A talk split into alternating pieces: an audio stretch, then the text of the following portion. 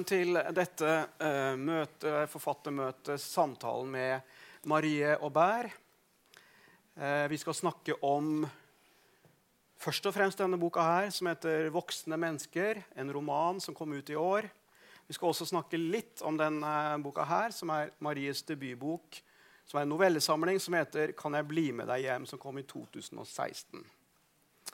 Masse velkommen. Takk. Eh, jeg heter Rolf Enger og er skrivelærer på Skrivekunstakademiet. Og vi har jo også Marie som gjestelærer hos oss uh, i disse dager. Og vi hadde jo ønsket å ha en egen temakveld med henne, men biblioteket kom oss i forkjøpet. og Sånn at det fikk vi ikke til der. Men da har vi rotta oss inn på biblioteket og på en måte kuppa hele arrangementet her. Så nå blir det bare snakk om skrivekunst og komme i hele kveld. Ja, nei, det blir mest snakk om deg, da. og bøkene dine.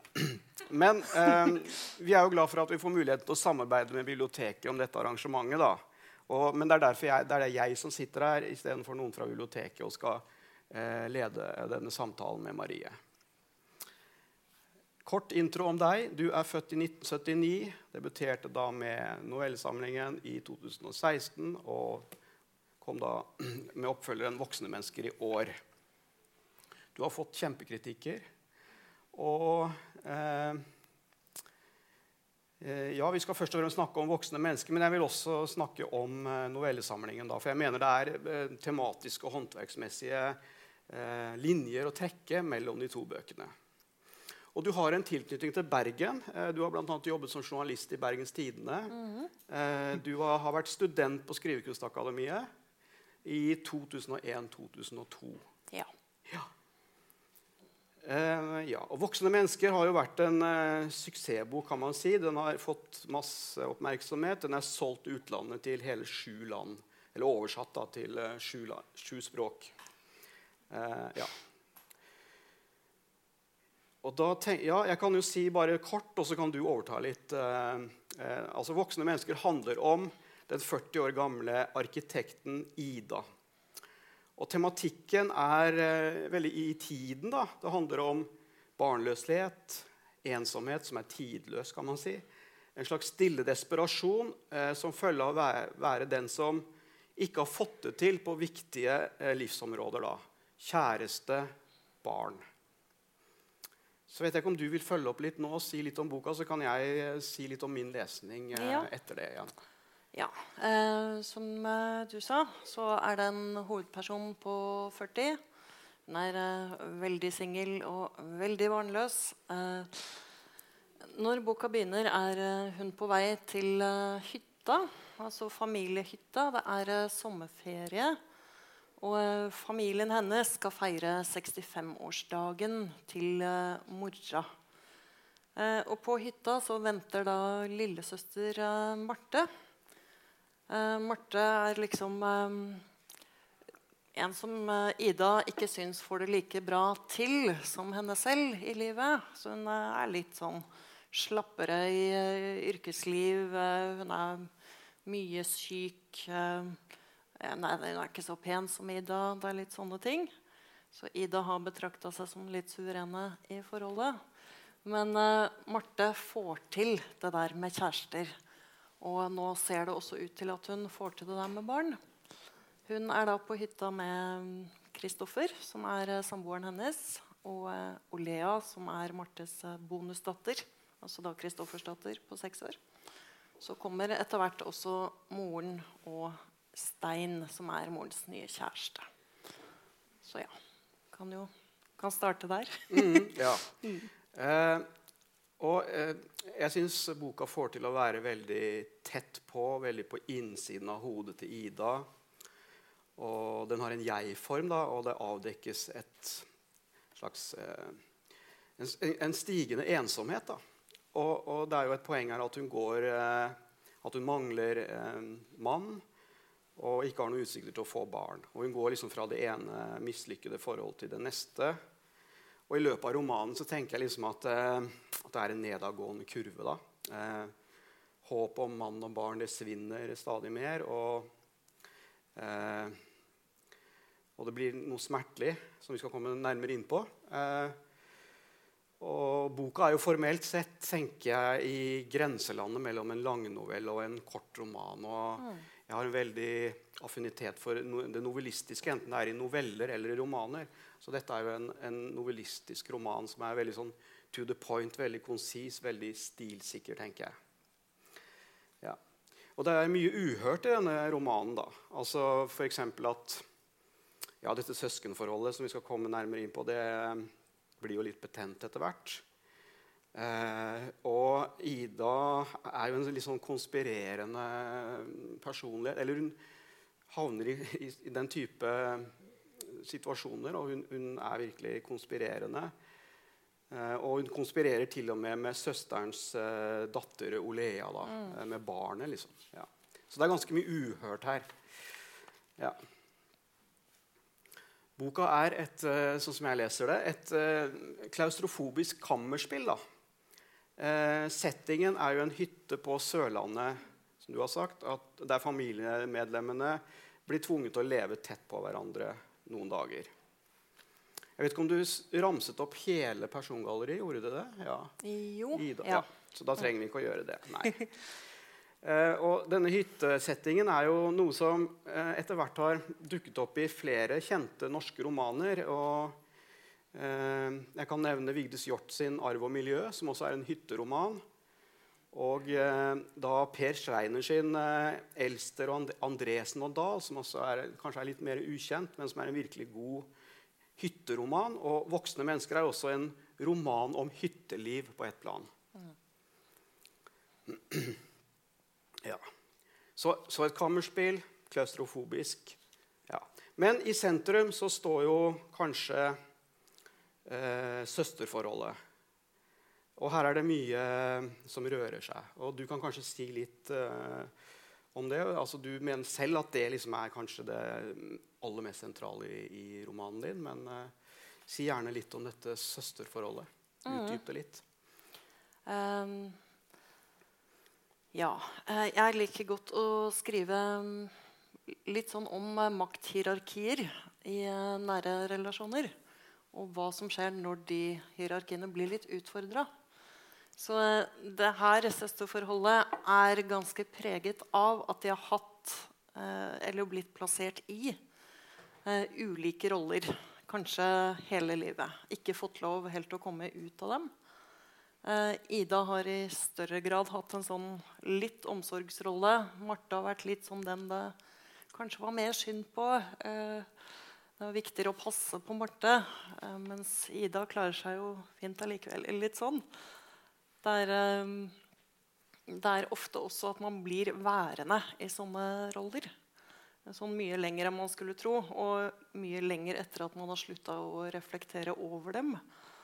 Eh, og det er vel noe av grunnen til at jeg syns det der er gøy å skrive om. Da. For søskenrelasjoner er jo for mange av oss de lengste, lengstvarende relasjonene vi har eh, i livet. De, det er noen som kjenner oss helt utrolig godt, og samtidig så er det en relasjon som vi ikke har valgt. Som vi bare får og må forholde oss til. Så eh, jeg, jeg hadde egentlig trodd at jeg skulle få mange sånne lesereaksjoner på det som gjaldt eh, barnløshet og eh, ikke klare å få det til og sånne ting. Og det, det har jo vært en del av de òg. Men eh, forbausende mange som eh, kommer litt sånn og sier sånn Og gjerne sånn gamle damer eller sånt. At ja, nei, jeg har også en søster. Og hun har hytta vår nå! Ja. Og det syns jeg er veldig gøy. Ja. Eh, ja, du sa det selv i innledningen at Ida har vært den sterke og den flinkeste og den peneste i søskenrelasjonen. Hun tenker i hvert fall Ja. på seg selv Ja. sånn, tenker jeg. Ja. Men dette mener jeg da endres i løpet av romanen. Og det kunne være kanskje fint om du sa litt om, eh, i tråd med det du Ja. sa nå, hvordan dette eh, denne maktbalansen da, på en Ja. måte endres. Det syns jeg er veldig sterkt og fint i boka di. Altså Uten at jeg røper uh, altfor mye altså Det her skjer så tidlig, så det gjør ikke noe at dere vet det. selv om dere ikke har lest den. Men uh, Ida har, uh, før historien starter, har hun vært eh, på en fertilitetsklinikk i Göteborg. For hun eh, har tenkt å fryse ned noen egg. Og har tenkt å fortelle det til Marte. Ved, sånn litt ved ankomst på, til denne hytteferien. Men så kommer rett og slett Marte henne i forkjøpet. da, Og forteller at etter mye mye prøving og prøverørsforsøk og sånn, så har, har, hun endelig blitt gravid.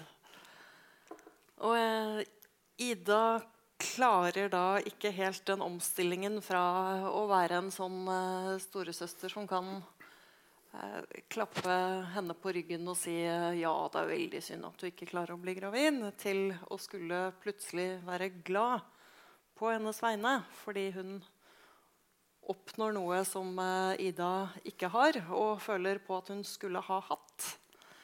Så det blir etter hvert en ja, ganske sånn stygg utvikling der. Så det, mm. ja, det skjer jo litt at hun går forbi Ida. Eller Marte går forbi Ida. på en mm. måte, Og det mm. håndterer hun ikke så godt. da. Ja.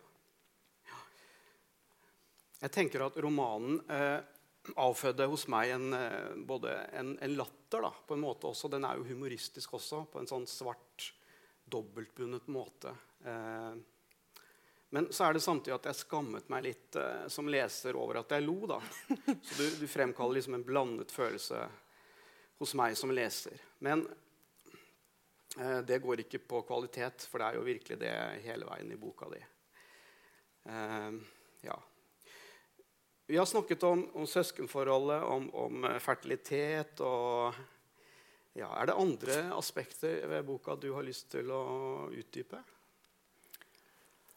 Eh, handler jo mye om eh, det å være voksen, på et vis. Ja. Altså eh, det at Ida er barnløs, og at eh, Marte ser nå ut til å få barn.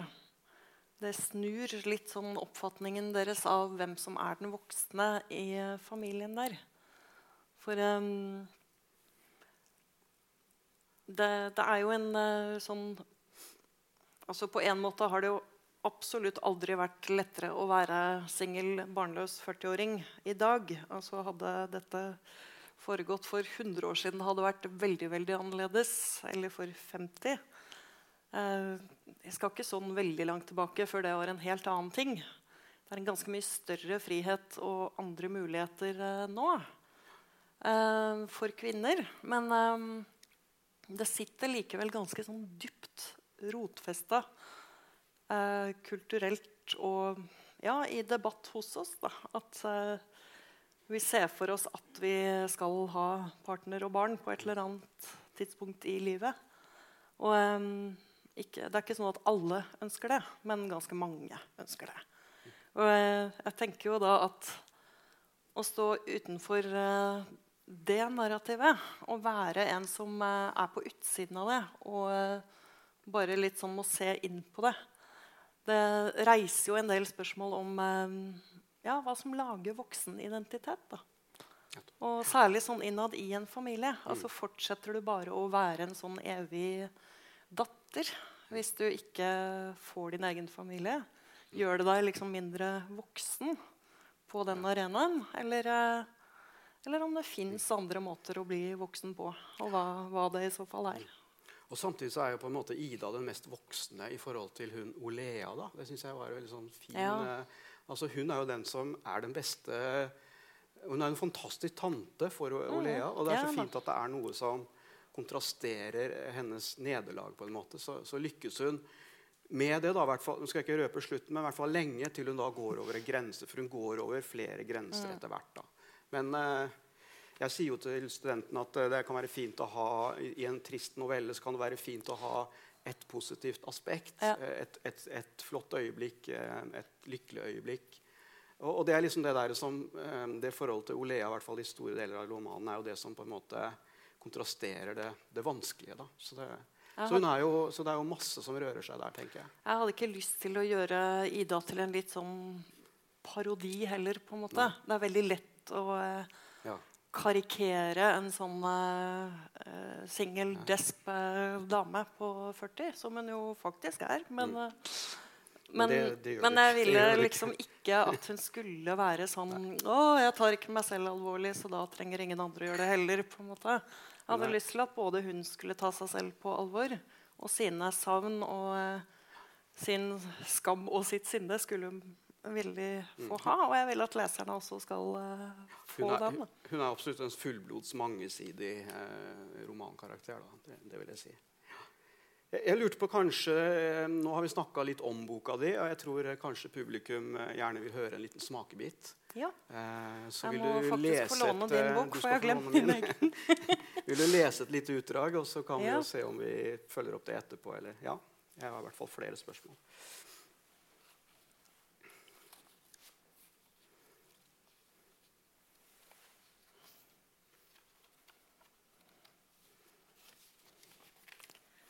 Se. Jeg tenkte kanskje derfra til Dette skulle vi gjort før. Og dit. Ja, ja. Er det for deg? Okay. Det er jo starten. ja. Ok, Da leser jeg litt fra starten av boka. Andres barn. Alltid. Overalt. Det er verst på buss når jeg ikke slipper unna. Jeg er svett på ryggen og sur. Sola står rett inn av de skitne vinduene. Bussen har vært full siden Drammen, og det kommer på enda flere folk på Kopstad og ved Tønsberg og Fukserød. De må stå i midtgangen og svaie mens de holder seg fast, selv om det liksom skal være plassgaranti. I setet bak meg sitter en far og en unge. En gutt som kanskje er tre. Ungen ser Hakkebakkeskogen-filmen på iPad med lyden på. Det lyder boksaktig og gjennomtrengende. Innimellom prøver faren å skru ned lyden, og da hyler ungen sint og skrur lyden opp igjen. Jeg er blitt kvalm av å lese boka mi og er nesten tom for batteri på telefonen, så jeg kan ikke høre podkast heller. Alt jeg hører, er pling og plong og metalliske klatremussanger. Vaske, vesle, brumlemann med klut og kost og såpevann. Og da vi nærmer oss Telemarksporten, klarer jeg ikke å holde kjeft lenger. Jeg snur meg mot faren. Det er en ung hipsterfar med en dum liten manbun. Og jeg setter opp et stort smil og spør om de kan skru ned lyden litt. Vær så snill. Jeg hører selv at jeg har skarpe kanter i stemmen. Han skjønner at jeg koser meg med det. Men de kan ikke sitte der med lyden på. På en full ekspressbuss i juli. Det kan de ikke. Tja, sier hipsterfaren og gnir seg i nakken. Er det plagsomt, liksom? Han har stavangerdialekt. Det er jo litt høyt, da, sier jeg. Jeg smiler fortsatt. Faren blir muggen og napper iPaden ut av hendene på ungen, som begynner å ildskrike, overrasket og rasende. Og det gamle ekteparet i setet foran meg snur seg og stirrer oppgitt på meg. Ikke på ungen og faren, men på meg. Sånn går det når du ikke vil skru av lyden, sier faren. Hun dama blir forstyrra, nå får du ikke lov til å se mer. Unnskyld eh, Stavanger-dialekten til eventuelle stavangerfolk her. her. Bussen svinger inn mot bensinstasjonen, der det er stopp for tissing og kaffe. Mens ungen ligger på tvers i setet og skriker. Jeg tar veska mi og haster gjennom midtgangen med hylingen bak meg. Kristoffer og Olea står og venter på meg på Vinterkjær. Marte er ikke med. Kristoffer er så høy, og Olea er så liten. I høst skal hun begynne på skolen. Jeg syns hun ser altfor liten ut til det. Tynn og skjør. Godt å se deg, sier Kristoffer. Han gir meg en lang klem, bretter liksom armene rundt meg og trykker til. like måte, sier jeg. Og så langt hår du har fått, Olea, sier jeg og napper henne i hestehalen. Olea lærte å svømme i går, sier Kristoffer. Olea gliser. Hun mangler fire tenner i overkjeven. Jeg svømte uten at pappa holdt meg, sier hun. Oi, sier jeg. Er det sant? Så flink du er. Marte tok bilde av det, sier Olea, så du kan se når vi kommer fram. Marte lå vel på land og lata seg, hun, tenker jeg, sier jeg og legger bagen min i bagasjerommet. Ja, sier Olea, fornøyd i baksetet. Hun latet seg skikkelig mye. Sånn sier vi ikke, Olea, sier Kristoffer og starter bilen. Det vet du. Jeg bøyer meg bakover til Olea blunker og hvisker høyt til henne. Marte er litt lat. Kristoffer kremter. Jeg kan si det vel, sier jeg. Jeg har lov å tulle med sånt. Det er så fristende. Martha har bare godt av et spark i ræva av og til. Og det er deilig å blunke til Olea. Få henne til å fnise og sette opp store, frydefulle øyne over at jeg er morsom. Vi kjører kystveien, og jeg forteller Kristoffer om hipsterfaren og ungen som så Hakkebakkeskogen med lyden på. Og så ble folk sure på meg, sa jeg, sier jeg. Det var ikke jeg som lagde bråk. Han Faren ble så skikkelig irritert. Kristoffer lukter noe jeg kjenner igjen. Det er hytta. Maling. Sjøvann. Kropp. Det er jo ikke så lett å få roa dem ned alltid, vet du, sier han. Jo, men du lot vel ikke Olea sitte på en tettpakka buss med iPaden på full guffe da hun var tre, sier jeg. Nei da, sier Kristoffer. Men folk blir så irriterte på unger. De skjønner jo ikke hvordan det er. Barn må jo få lov å være barn. Sånne ting, sier Kristoffer. Barn må få lov å være barn. Eller at det er viktig å lytte til kroppen. Men det er forskjell på å grine og ha på lyden, sier jeg. Jeg merker at jeg prøver for hardt. Jeg avslører meg nå at dette er noe jeg ikke skjønner. Og Kristoffer trekker på skuldrene og smiler kort. Ha på lyden på en full buss, sier jeg igjen. Må puste med magen, Nida, sier han og klapper meg på låret. Jeg åpner munnen for å si enda mer, men ta meg i det. Han kommer ikke til å skjønne det likevel. Jeg kan si det til Marte. Hun pleier å være, enig med meg om sånt. Hun blir irritert når Olea bråker. Det er noe annet jeg skal fortelle henne også. Ikke med en gang vi kommer fram, men i kveld. Når, jeg, når vi har tatt et par glass vin hver, og Kristoffer har forsvunnet for å legge Olea, da skal jeg fortelle det.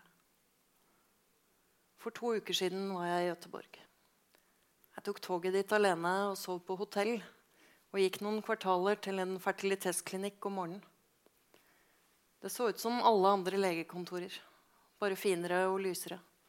Med yuccapalmer i store krukker.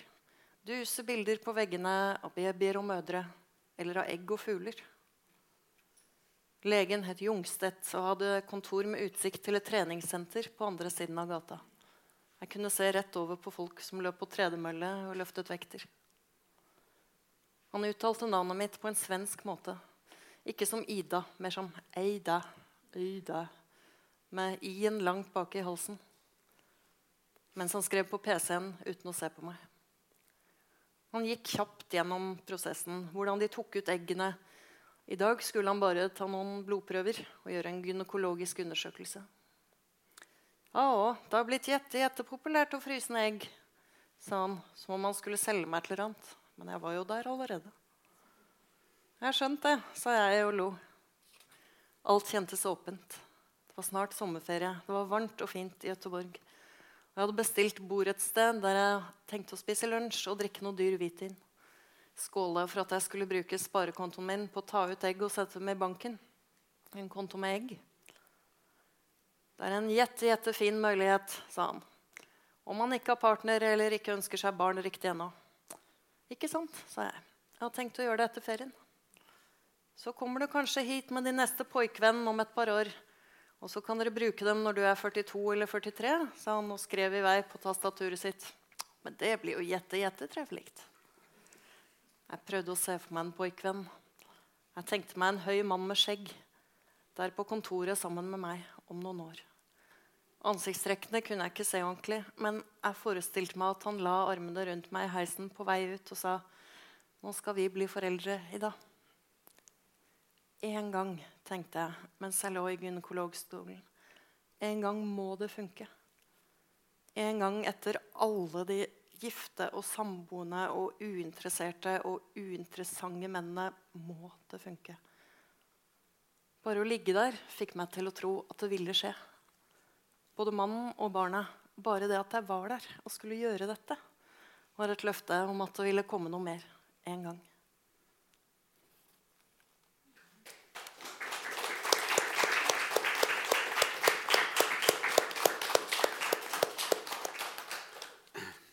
Ja, takk. Det er jo et veldig flott anslag, det der.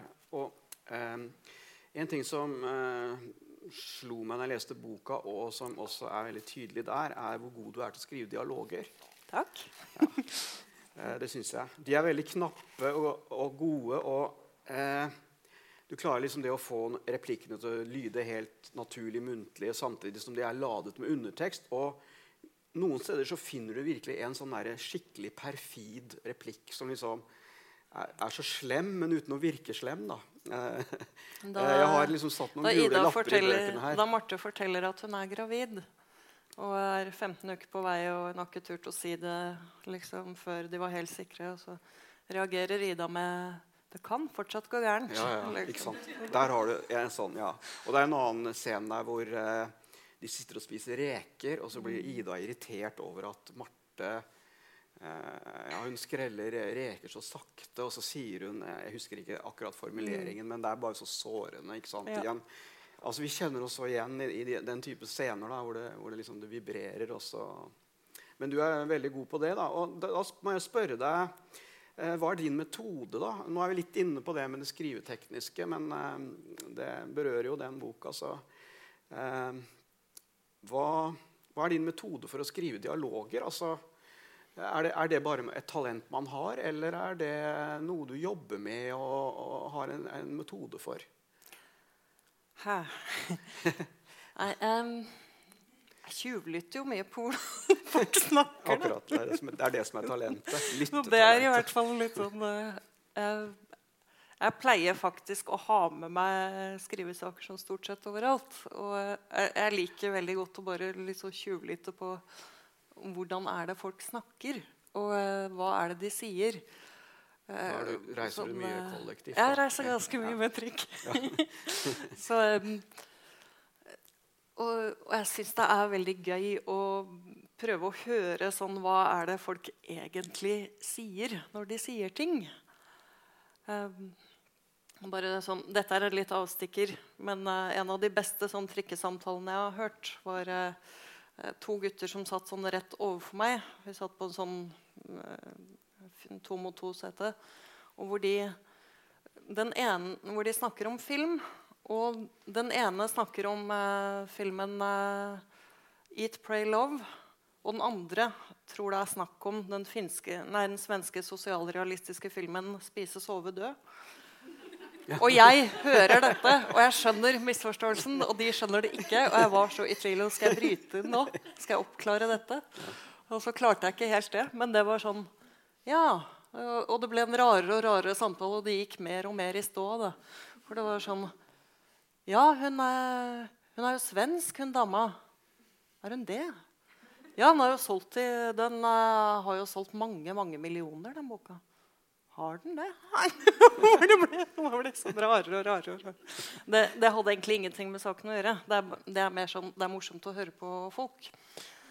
Men um, ja, hvordan jeg jobber med det Jeg tenker jo at jeg prøver å skrive sånn relativt uh, lydhermende. da rett og slett. Jeg liker å ha med sånne småord og litt sånn gjøre det til et litt sånn fomlete, stotrete hverdagsspråk, mm. egentlig. Mm.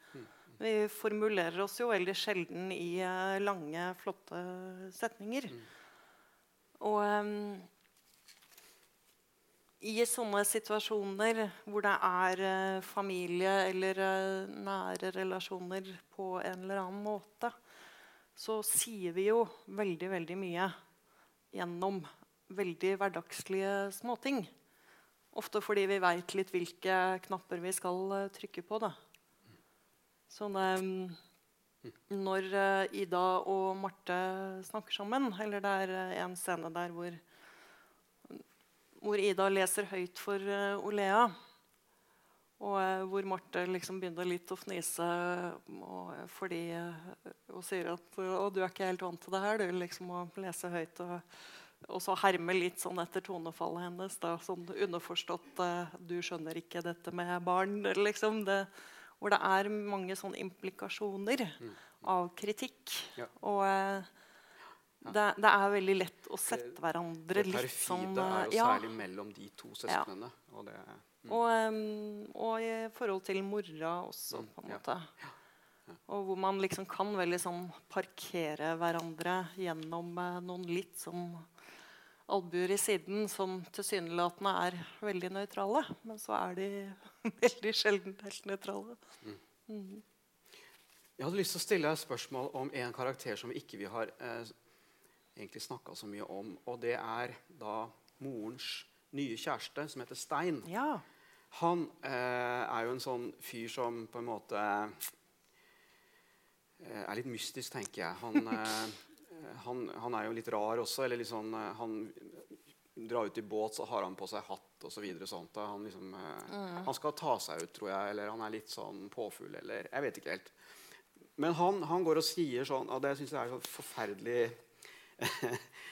eh, Både gåtefullt og plagsomt. Da, for han går og sier sånn Du Ida, du Ida, sier han sånn. Og, det er sånn der, og det bare sier han hele tida. Og, og, Ida som du ser for at hun, og hun prøver liksom å slå tilbake da, med å si ja, du Stein, du Stein. Det er, eh, men det, er, det ligger jo noe der. Du styrer på. Ja, du styrer på, ja. ja riktig. Eh, men hva slags eh, jeg har ikke fått til, Det er sånn litt gåte for meg. Hva slags instans og hva slags rolle er det han Han er liksom dark horse, han er litt på sidelinja, mm. men det er likevel et eller annet som ved han. Vil du si litt om hva slags instans eller hva slags rolle han spiller i fortellingen? Ja. ja. Um, han er en av de personene jeg har blitt sånn mer og mer glad i eller etter hvert som jeg jobba med det. Han begynte litt som en litt, nesten litt sånn karikatur av en fyr. Altså at han har sånne solbriller med sånn eh, solbeskyttelse som han driver og flapper opp. Ser sånn insektaktig ut. Og han har den der Fedora-hatten som han insisterer på å sitte og holde på i båten. Noen litt sånn forfengelige trekk, men uh, en litt sånn uh, aldrende, barnløs uh, mann som tilsynelatende ikke har helt sånn styring på hvordan han skal henvende seg til Ida og Marte. Altså, han snakker litt til dem som om de er noen sånn litt uoppdragne tenåringsjenter. Tilsynelatende. Og, men han er jo Eh, det var, det var, en anmelder som påpekte at han er på en måte det eneste litt sånn voksne mennesket i denne forsamlingen av eh, ikke så voksne mennesker.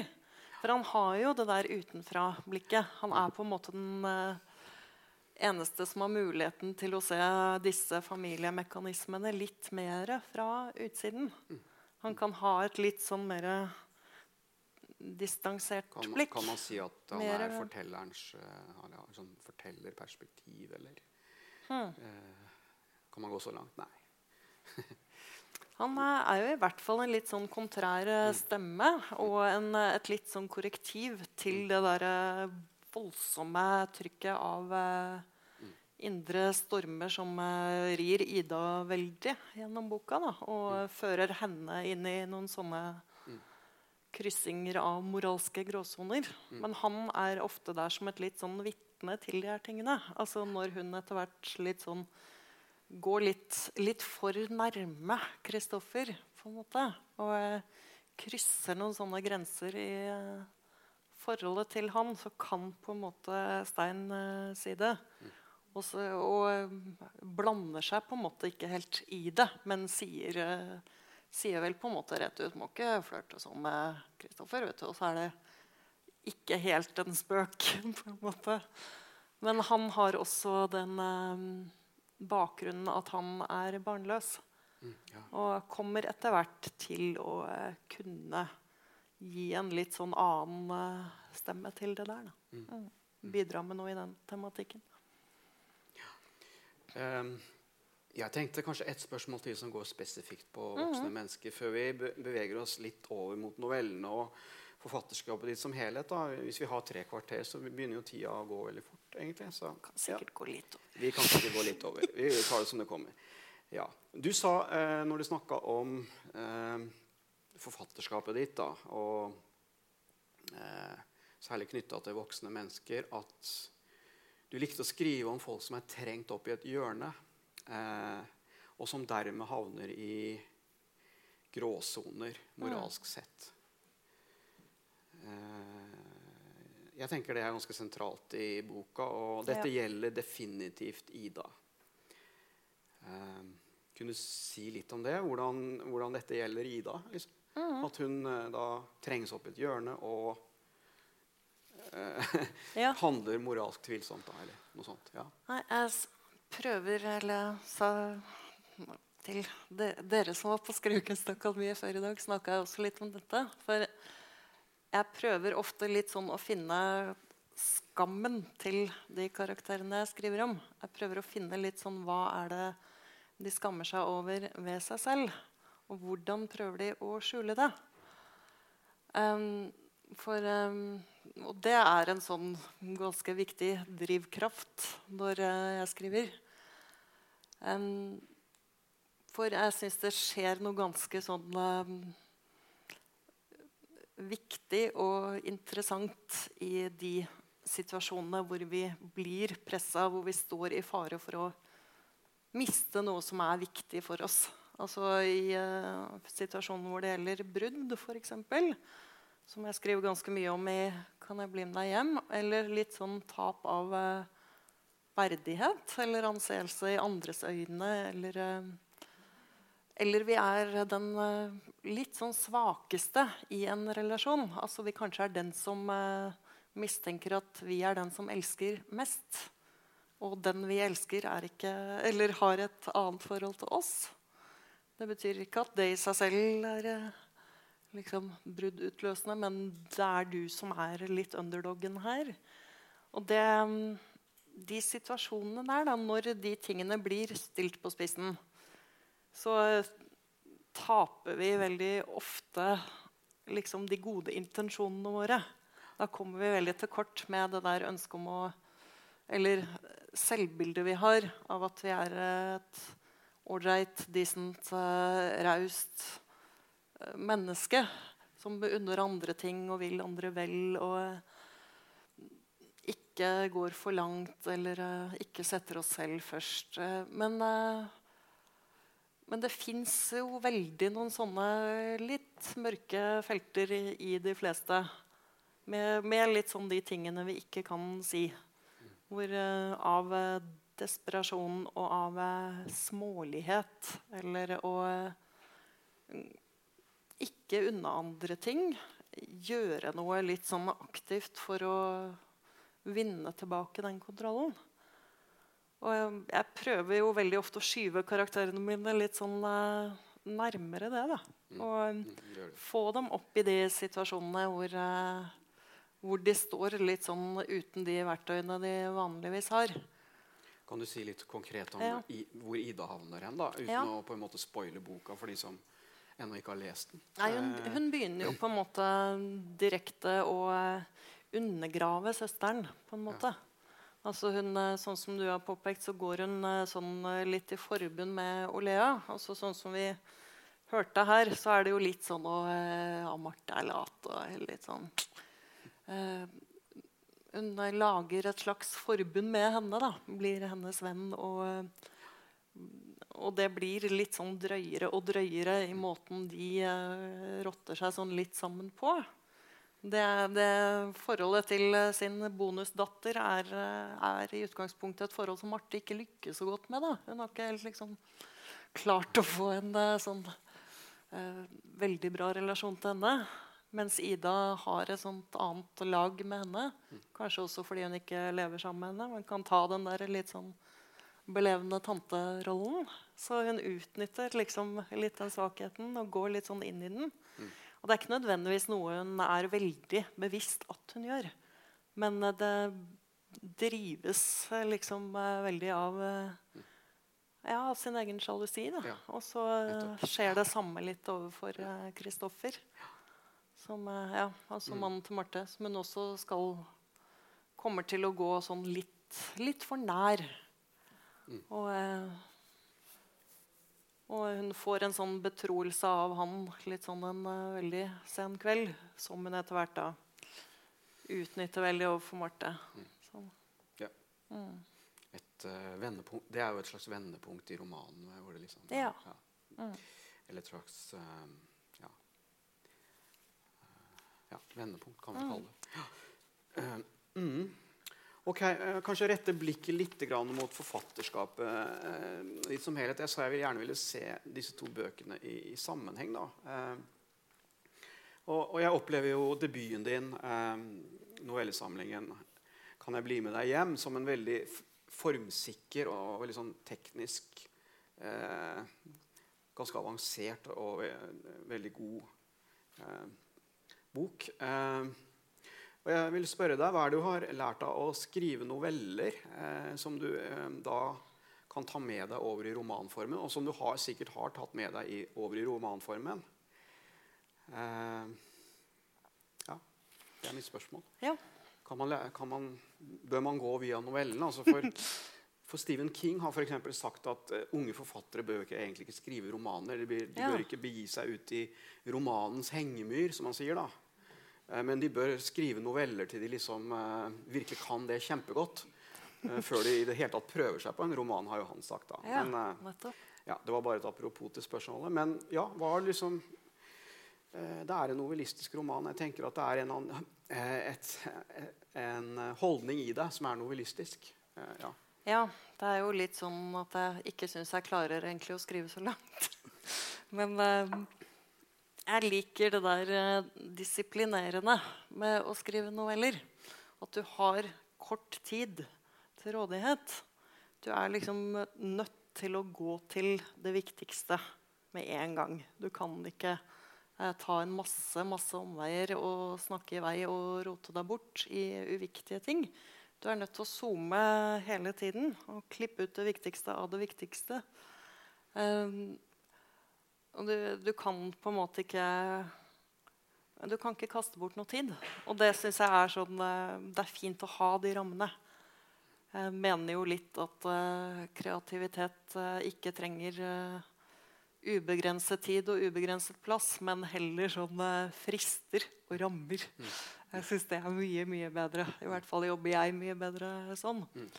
At eh, Vet jeg at jeg skal levere til den datoen, så gjør jeg jo det. Men hvis jeg vet at her har jeg fem år på meg, så kommer jeg aldri til å få gjort det. Nei. Da kommer jeg til å gjøre det den siste måneden før det skal skje. så det er jo et sånt um... Betyr det at du også hadde lagd en ramme for den boka her? Et, et, et sted ut i skriveprosessen? Ja, altså tingen var at um, jeg, prøvde, jeg strakk den ut i veldig mange retninger. Jeg syns jo det var uendelig mye vanskeligere å skrive roman enn å skrive noveller. Eh, jeg har lest at det er noen som sier at ja, det vanskeligste er å skrive en god novelle. Da tenkte jeg det er det ikke. Det er mye vanskeligere å skrive en roman fordi du må ta så mange valg. Eh, Så jeg starta med Jeg har eh, operert med tre hovedpersoner her på et tidspunkt. Jeg hadde tenkt at det skulle være både Ida, Marte og Kristoffer.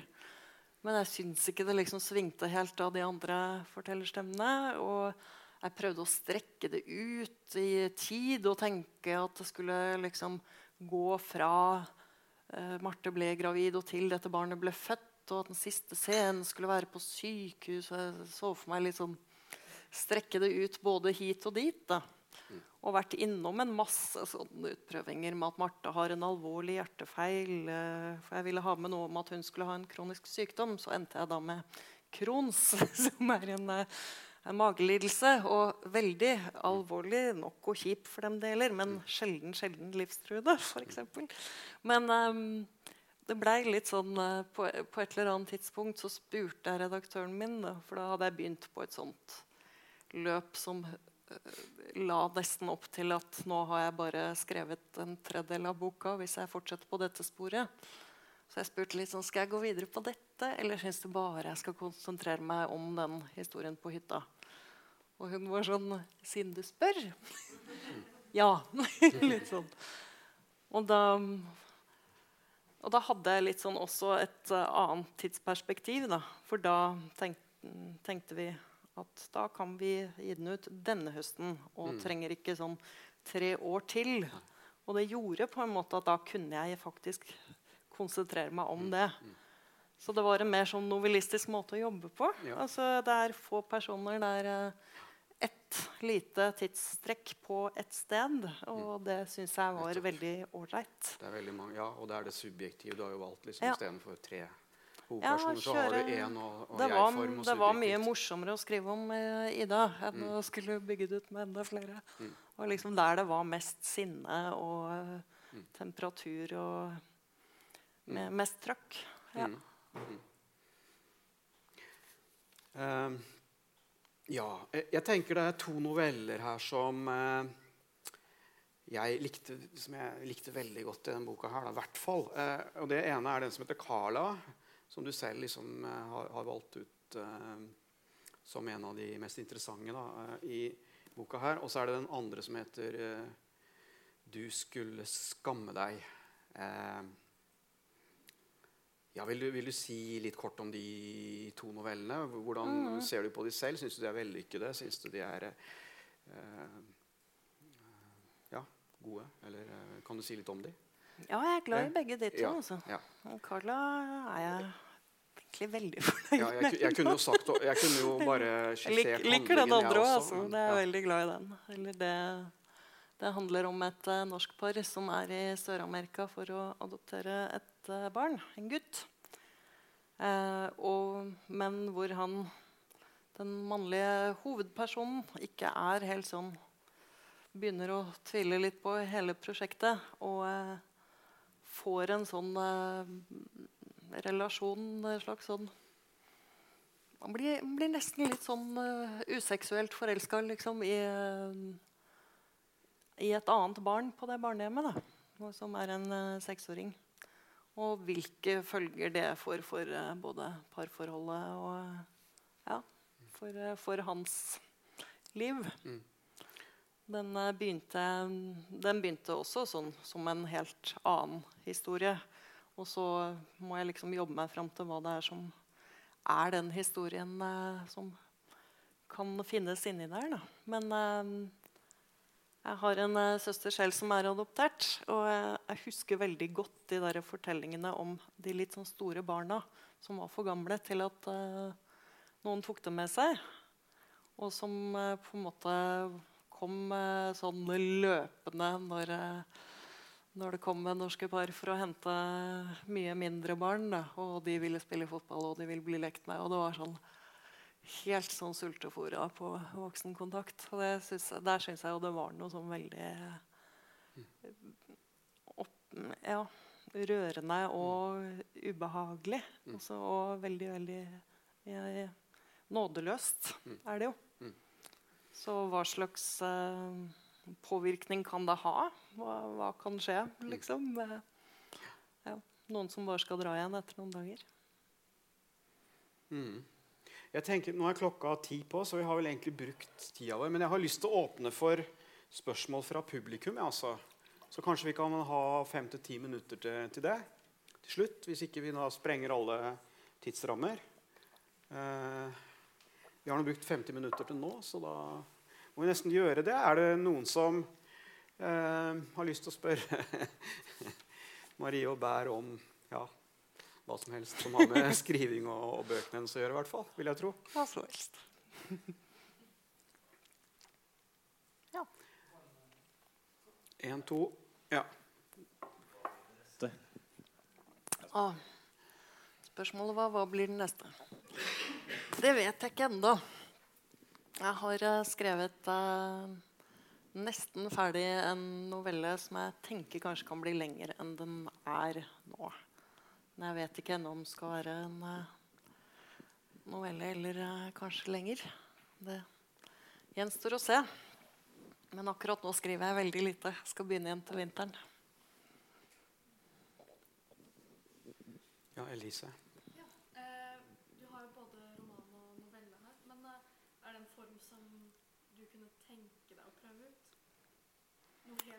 Noe helt annet?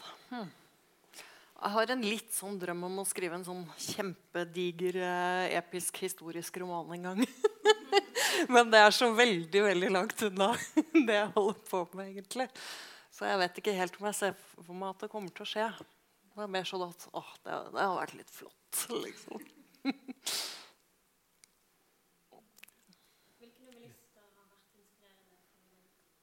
Ja, det er gøy. Um, har som mange andre lest ganske mye Alice Munro. Som jeg jo syns er helt fantastisk eh, novelleforfatter. Eh, hun er sånn vanskelig å kopiere. Jeg, jeg har prøvd, men jeg har ikke fått det til. Men, eh, hvor hver novelle nesten er en sånn liten roman. Da. Og hun kan gå inn og ut av flere tidsplan eh, på en helt sånn sømløs måte. Og det syns jeg er så imponerende. Jeg så en litt sånn eh, eh, sarkastisk artikkel tidlig, hvor de tippet vinner av eh, Nobelprisen i litteratur. Hvor Alice Munro var referert til Canadian who got the Nobel Award for her stories about people who are looking at lakes.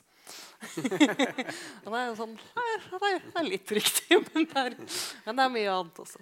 Men, men din novelleform er jo veldig annerledes enn Alice Murrow. Ja, altså, hun har de der lange lange som går over tiår, gjerne. Ja. Mens du har de her eh, små fragmentene. Mm. eh, Det, er, det er egentlig bare i den eh, Jo, i et par av dem så er det flere tidsplan Ja, ja.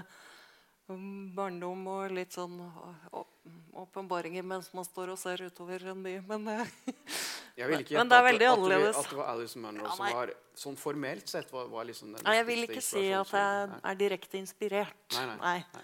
Men eh, sånn av novelleforfattere som jeg Ja. virkelig liker, liksom. Men um, en som jeg også er veldig, veldig glad i, og som burde hatt et mye større publikum i Norge, er uh, Juno Diaz, som er uh, dominikansk-amerikansk. Eh, han har skrevet to novellesamlinger og én roman. og Jeg syns novellene er uh, veldig mye bedre og kulere enn uh, romanen. Men uh, han skriver mye om eller gutter med tokulturell bakgrunn som bedrar kjærestene sine, sånn kort fortalt. da. Men det, det er liksom noe sånn veldig slentrende, åpent Veldig sånn følelsene utenpå. Og eh, sånne utrolig virkningsfulle bilder eh, av uh, f.eks. barn og foreldre eller eh, menn og kvinner. Eller, det er sånn både veldig tilgjengelig og veldig sånn dyptlåtende. på en måte. Og av norske så er det jo sånn så Selvfølgelig Kjell Askildsen og de, litt de vanlige der. Men eh, Jan Kristoffer Dale syns jeg også har gjort en veldig god debutnovellesamling. Mm. Ja, åpne for uh, to spørsmål til før vi setter strek. Hvis det er noen flere. Hvis det er flere.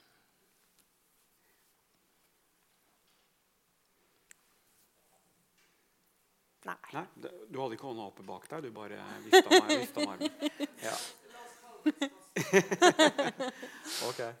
Ja, men da tenk, skal vi bare runde av deg, eller? Vi kan det. Eh, Ja. Du, har, du syns du har fått sagt det du eh, hadde på hjertet, eller er det noe du absolutt må si, så er det ennå Nei. Tror, Du har tror fått ja, Men da, da takker vi eh, Marie eh, og publikum. Og, Tusen takk.